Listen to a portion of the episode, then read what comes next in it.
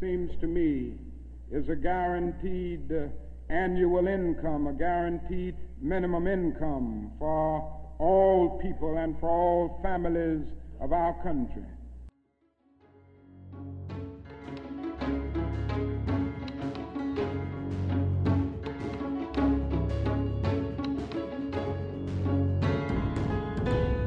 Hei, og velkommen til første episode av SAM2-podden.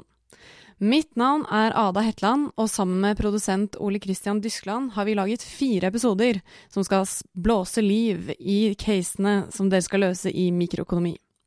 Det er altså en episode om borgerlønn, en om kraftmarkedene, en om lakseskatt og en om dagligvarebransjen. I denne episoden skal vi diskutere borgerlønn. Og i Bergen har denne debatten blitt aktualisert av MDGs politiker Mona Høgli. Hun skrev et innlegg før jul i BT om borgerlønn, og hun sitter også i bystyret i Bergen, og de har nå gått inn for at Bergen skal bli en del av et pilotprosjekt med borgerlønn. Så hva er egentlig borgerlønn, og hva trenger vi den til? Og er det en god idé å innføre borgerlønn i en velferdsstat som Norge? Til å besvare disse spørsmålene har jeg fartet Bergen rundt med opptaksutstyr for å snakke med forsker og samfunnsøkonom Julian Wendler Johnsen, politiker Mona Høgli, men først så skal vi høre fra professor emeritus Kalle Mone fra Økonomisk institutt i Oslo. Mone har i en årrekke snakket varmt om borgerlønn, så jeg tenkte at det var en ypperlig måte å starte podkasten på med å la han introdusere temaet borgerlønn. Så Kalle, hva er borgerlønn? Borgerlønn er en grunnleggende inntekt som gis til alle ubetinget. Det vil si, du trenger ikke være syk, du trenger ikke være arbeidsløs, du kan være frisk og i jobb, du kan tjene mye, du kan tjene lite. Du får denne grunnleggende inntekten. Den går til alle, forutsatt at du liksom er gammel nok til å kvalifisere for det, og forutsatt antagelig at du er statsborger av det landet som innfører det. Men hvordan skiller borgerlønn seg fra andre velferdsgoder vi har i samfunnet? Den skiller seg på flere måter. For det første så er den helt ubetinget. Det betyr at den er ikke betinget av at du er syk, som jeg nevnte, eller arbeidsløs, som mange av velferdsgodene er. I tillegg så er den i kontanter. Det er en lønn eller en betaling du får, og den uh, står litt i motstrid til de tjenestene som velferdsstaten yter. Det er liksom i tjenesteproduksjon for det, ting som går direkte. Du ikke velger sjøl, men her kan du bruke pengene akkurat som du vil. mens mens noen av velferdsstatsytelsene er betinget av at de er i form av skolegang, de er i form av forsikring for høy alder eller arbeidsløshet eller dårlig helse. Mange er bekymret for hvordan en borgerlønn vil påvirke arbeidsmarkedet. Hva er dine betraktninger rundt dette? Det er to forhold som jeg synes er viktig å nevne. Det er at en får en betaling uten å yte. Det har det historisk vært sånn at mange har trodd at da vil en yte mindre. En vil jobbe dårligere, vil jobbe mindre. Dette har vært framme i debatten helt siden dette ble foreslått første gangen på slutten av 1700-tallet av økonomer og samfunnsvitere generelt, som var knyttet til den eh, franske revolusjonen og opplysningstiden. Det var også mye diskutert på 1800-tallet. John Stuart Mill var ivrig for dette. Forrige århundre, altså på 1900-tallet, så var jo dette mye framme også med mer høyreorienterte økonomer og samfunnsvitere som ville ha det som erstatning for uh, velferdsstatsordningen som er i dag. Det som alltid har vært gjennomgående diskusjonstema, er at inntekter som en får uten å yte noe, da yter en mindre. Der det har, dette vært prøvd i praksis, og det vil legge mest vekt på de eksperimentene som har vært gjort i utviklingsland, der de beste eksperimentene faktisk er foretatt. Særlig i India, foretatt av Self-Employed Women's Association, som hadde en borgerlønnsordning for eh, et ganske stort antall eh, husholdninger. Resultatet som viste seg der, det var at de jobbet ikke nødvendigvis mer, men de jobbet smartere. De valgte smartere i arbeidsmarkedet. De tilpasset seg de jobbene de ønsket å ha, til sitt talent og sine, sine ønsker og sine behov. De var, de var, ikke nødt til å ta første og beste tilbudet, for de var på en måte subsidiert av samfunnet til å finne en god arbeidsplass og en god, gode muligheter for sitt talent. Og resultatet var overraskende svært gode på det, på det området der. Og, og, trolig er det noe sånt som gjelder også i dag, at det, dette er verdi for samfunnet også, at du får en god eh, match mellom talent og behov i samfunnet. Og da kan en ikke vente at det er, eh, at det er full klaff på første forsøk. Så det er den ene siden av det, at en høyst sannsynlig kan få folk til å jobbe bedre. Den andre siden er at en kan eh, unngå noen av de fattigdomsfellene som er bygget inn i velferdsstatens eh, opplegg, ved at du mister eh, velferdsgoder eller støtte dersom du går fra å være inaktiv til å bli aktiv. Og Det fungerer på samme måten akkurat som du har en veldig høy skatt. Faktisk kan den skatten være over 100% og det vil jo da forhindre at folk går ut i lønnet arbeid som du ønsker, fordi at du denne, at du mister støtteordningen. Grunnleggende inntekt i form av borgerlønn mister du ikke om du går fra å være inaktiv til å være aktiv, så da skal det være en lettere overgang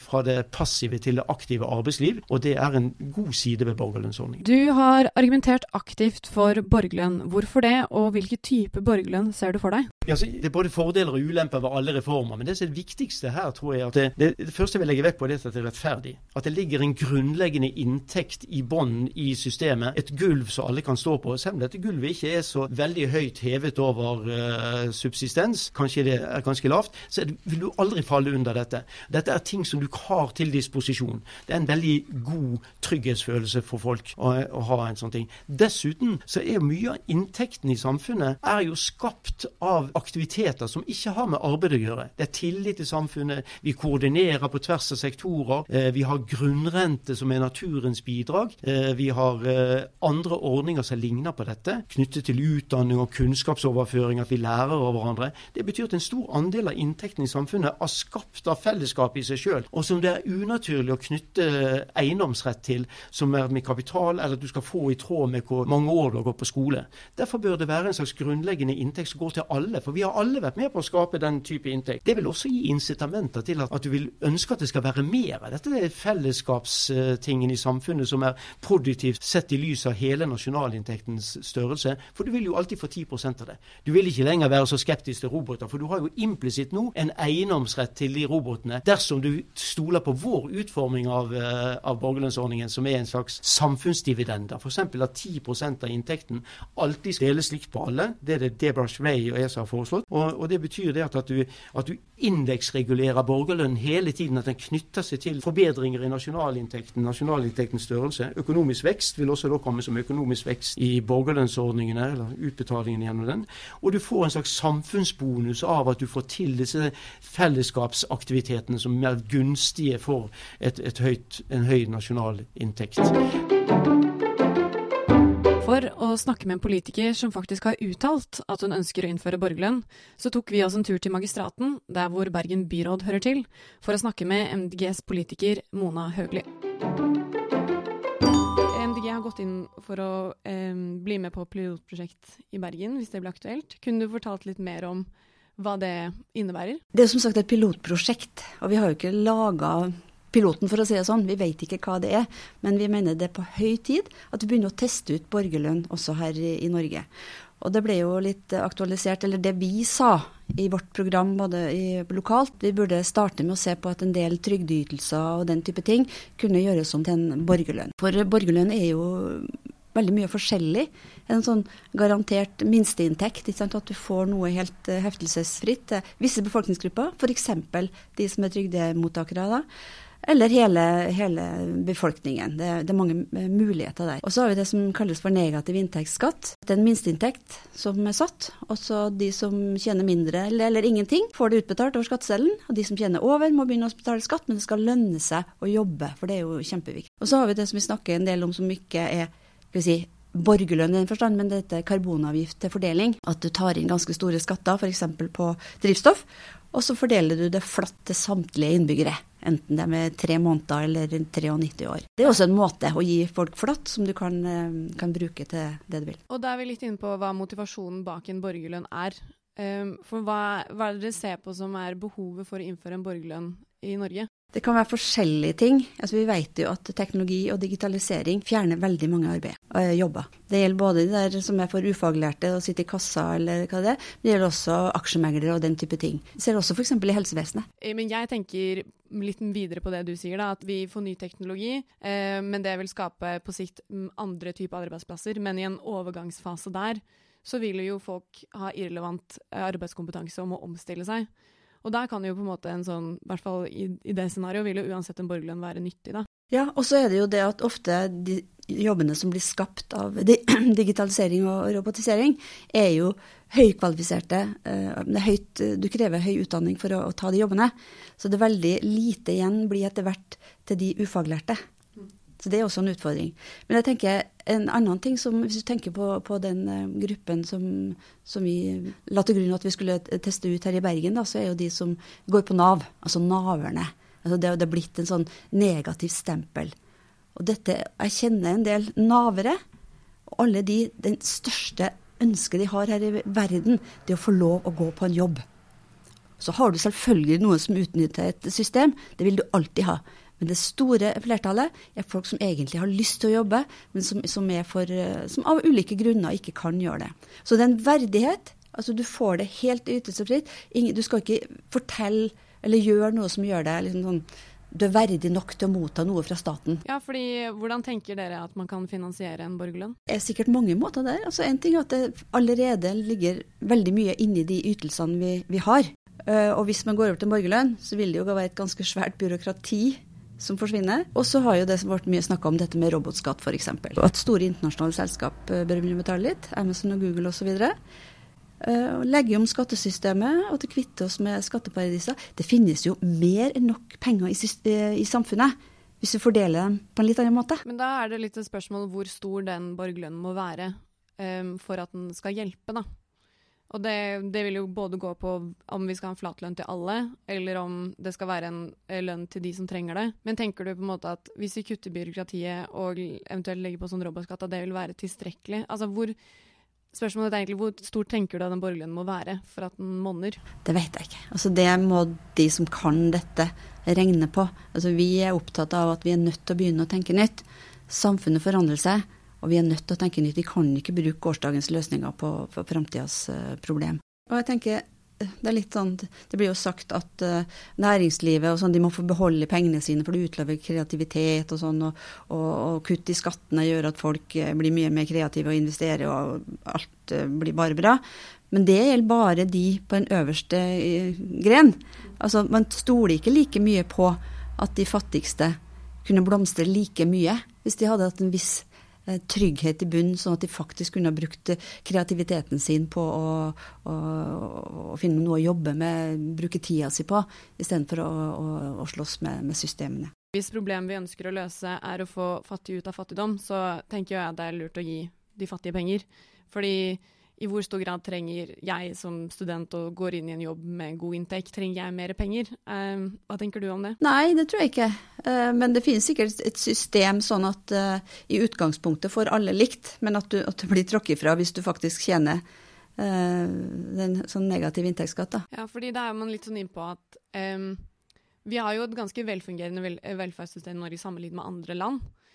så er det jo spørsmål om det er verdt for det er jo ganske dyrt å innføre et sånt system. Er det verdt å begi seg ut på det som vil være et ganske stort sosialt eksperiment, fremfor å prøve å forbedre det systemet som allerede er? Man må jo ikke gjøre alt med en gang. Altså, vi, vi snakker jo om et pilotprosjekt. Teste det ut. Og så trekker jeg erfaring, for det skjer jo ganske mye rundt om i verden. Det er jo mange forskjellige. Og hver gang jeg nevner borgerlønn, så ja, men du ser på Finland, det skjedde, det var bare tull. Men de fikk jo ikke lov å lage det, det prosjektet som de egentlig ønska, de, de forskerne. Så, det, så det, det, er noe med at du, du, må skalere det opp på en skikkelig måte og, og, gi det en mulighet. Og ikke bare sånn ja, ja, du skal få, få litt. Men da er det jo ikke ordentlig, en ordentlig pilot. Ja, Og så er det liksom å få det over god nok tid. Da. Ja, jeg tror det ja, ja, i Finland varte over to år.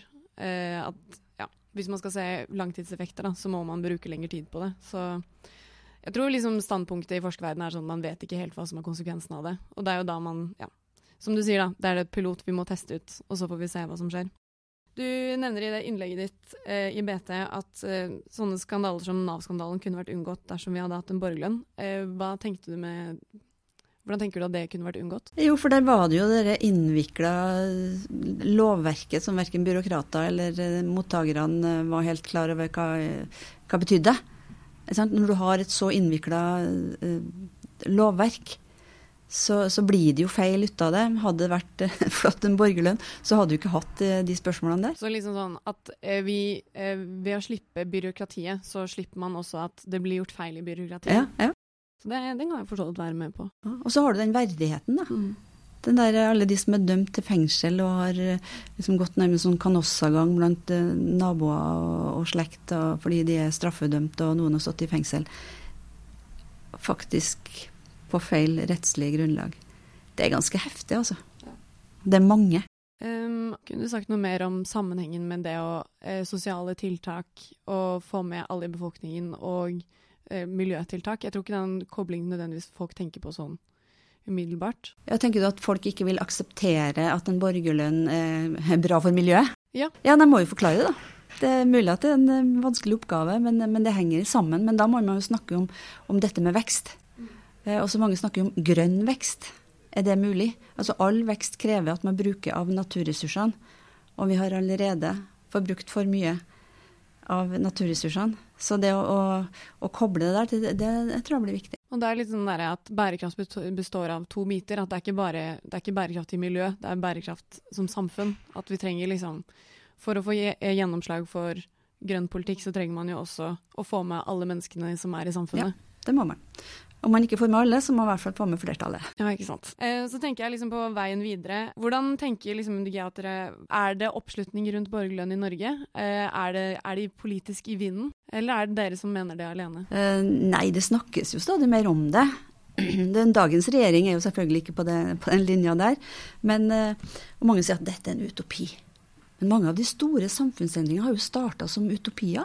Altså helt fra oppheving av slaveriet innføring av stemmerett, til og med for kvinner, og, og, offentlig alderspensjon, den type ting, var sånn Nei, det går ikke an. Nei, nei, nei. nei. Og så må man bare snakke om det, gjenta det, diskutere det, forklare. Så blir det sånn Ja, kanskje ikke dumt, skal vi prøve det?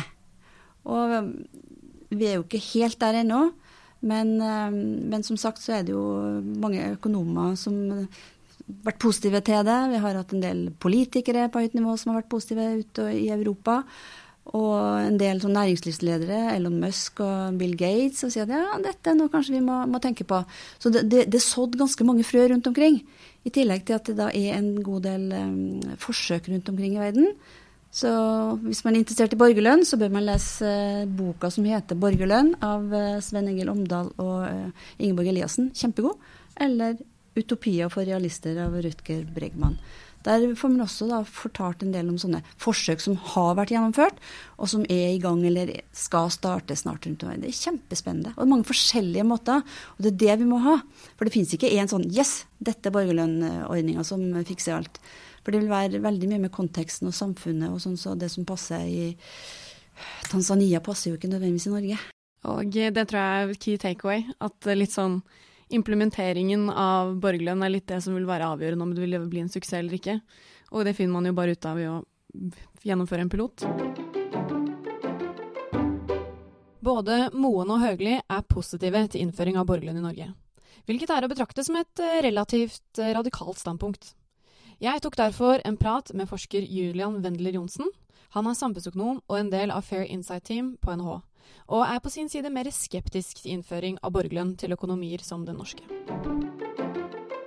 Har du noen eksempler på hvor borgerlønn har blitt prøvd forskjellige steder i verden, og hvordan det har fungert? Så Det finnes et par steder man har gjort det. Det kanskje mest kjente er at i Canada har de delvis delt ut, og i Alaska har de delvis delt ut liksom, inntektene fra oljeskatten til folk. Eh, og så finnes det et par andre land i det siste som har begynt å eksperimentere i veldig sånn småskala med borgerlønn. I Finland innførte en testordning. Der var det ca. 2000 arbeidsledige som ble trukket ut til å motta eh, borgerne istedenfor arbeidsledighetstrygd. Eh, effektene fra dette eksperimentet er veldig sånn usikre ennå, men i alle fall ingen store effekter hvis det er noen. Og så ble det til slutt avlyst før tiden, og delvis pga. at folk, det var en motstand i folket da, mot å betale folk penger uten å kreve noe igjen for det. Så det, det finnes masse eksempler på at man har prøvd veldig sånn småskala borgerlønn-eksperimenter, ofte en slags fattigdomslønn, for det er ofte rettet mot enkeltgrupper. Men de pilotene gir oss veldig lite svar på de spørsmålene vi, som vi kan forestille oss vi ønsker svar på hvis vi skulle innført borgerlønn som en erstatning for velferdsstaten. Så man kan ikke se noen liksom klare resultater? Man ser ikke at eh, man får flere folk i arbeid eller færre folk i arbeid?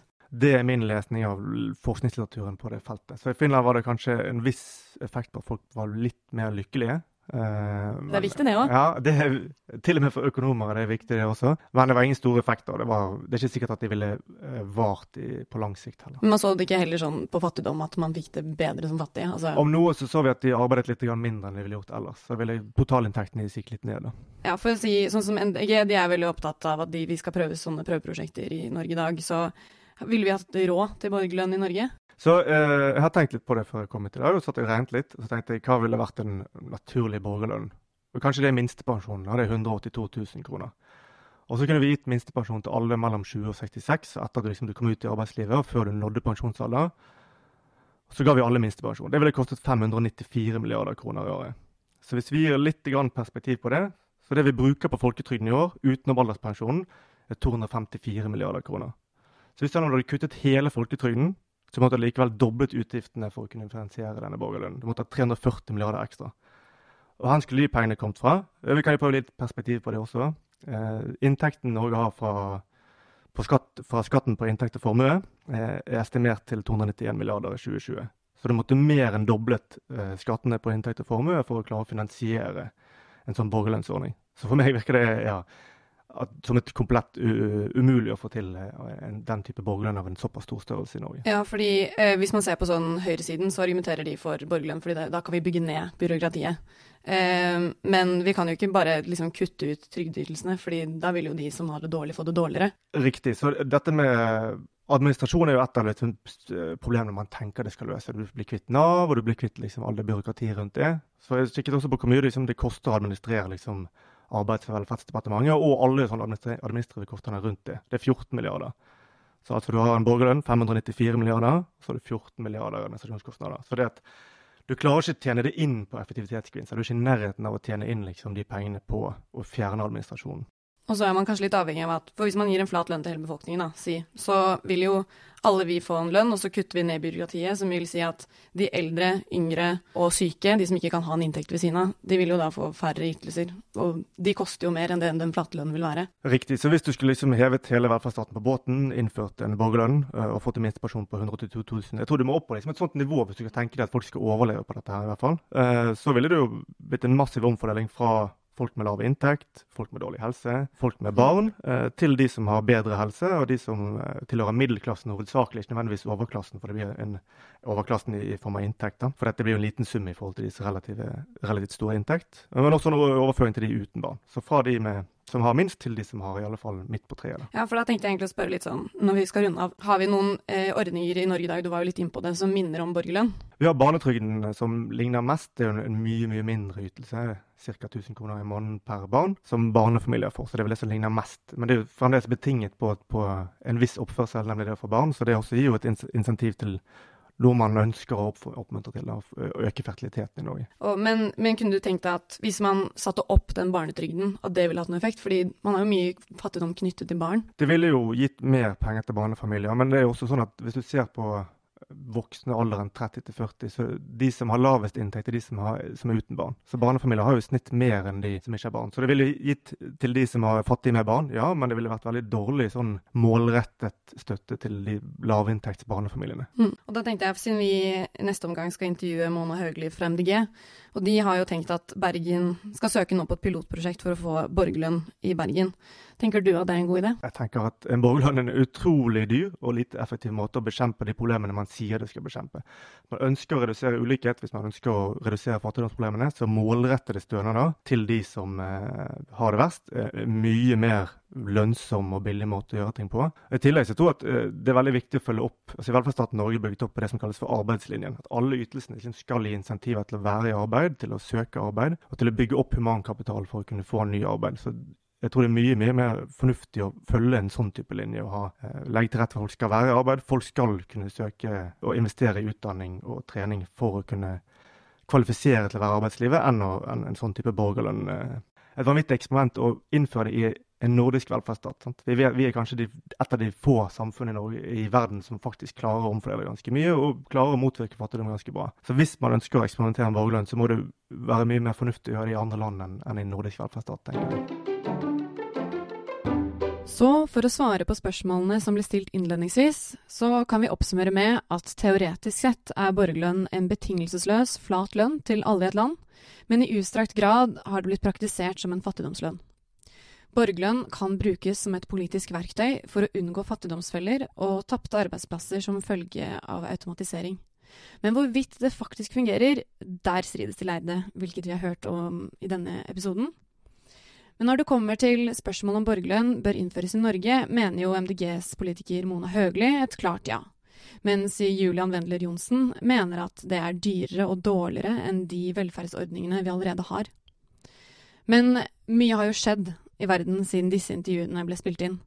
Verden har blitt lammet av en pandemi som igjen har aktualisert eh, borgerlønn. For å unngå resesjon har land som USA inkludert en eh, fattigdomslønn som en del av sin første krisepakke, og land som Spania ønsker også å innføre borgerlønn så fort som mulig. Så dette er ikke snakk om en utopisk økonomisk modell, men et høyst relevant økonomisk verktøy. Så spørsmålet er heller knyttet til hvordan og når vi bør bruke borgerlønn. Med dette vil jeg rette en takk for det jeg vil si var eksellente refleksjoner fra Kalle Mone, Mona Høgli og Julian Wendler Johnsen. Jeg vil også rette en takk til Vetle Økland for musikk til jingle, og Jon Blekastad for grafikk. Denne podkasten er laget av meg, Ada Hetland, og produsent Ole Christian Dyskland for Norges handelshøyskole.